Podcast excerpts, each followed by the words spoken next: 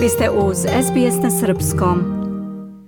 Prema nacrtu platforme koja će služiti kao osnov za formiranje 44. vlade Crne Gore, Evropa sad dobit će najviše resora i imaće većinu. Iako spisak nije konačan, podjela ministarstava bi trebalo da izgleda ovako.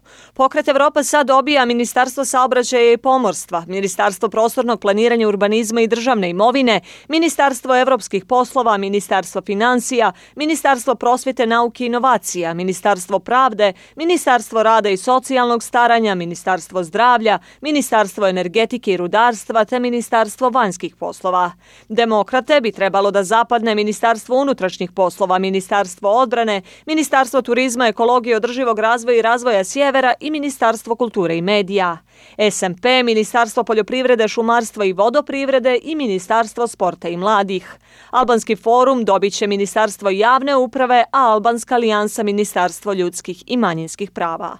Kao što je ranije objavljeno, manjinsku podršku ovakvoj vladi Milojka Spajića da će koalicija za budućnost Crne Gore, kojoj bi načelno trebalo da pripadne i mjesto predsjednika parlamenta.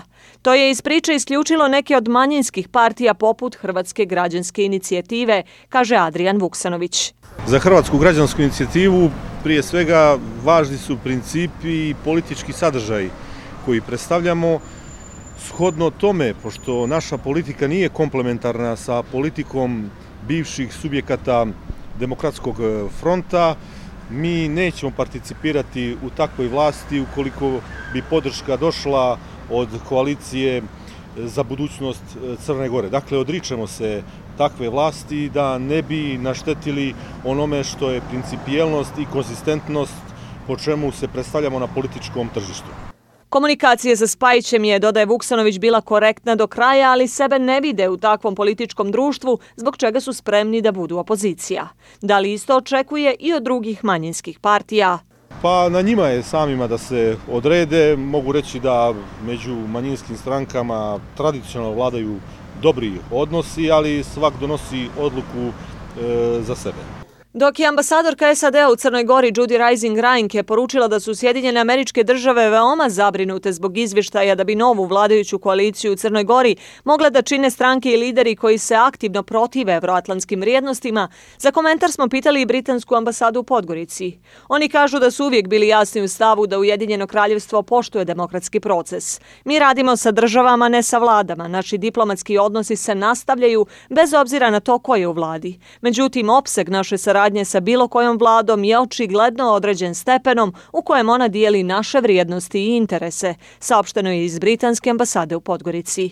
Iz delegacije Evropske unije u Crnoj Gori kazali su da očekuju da će Crna Gora nastaviti da bude 100% usaglašena sa vanjskom i bezbjednostnom politikom EU, demonstrirajući posvećenost zemlje strateškom pravcu Unije. Prema nacrtu sporazuma, Koalicije za budućnost Crne Gore moraće da se obaveže na podršku potpunoj usklađenosti sa spoljnom politikom Evropske unije, što podrazumijeva nastavak podrške sankcijama Rusiji uz poštovanje svih međunarodno preuzetih obaveza i ugovora. To će biti uslov za njihovo učešće u budućoj vladi.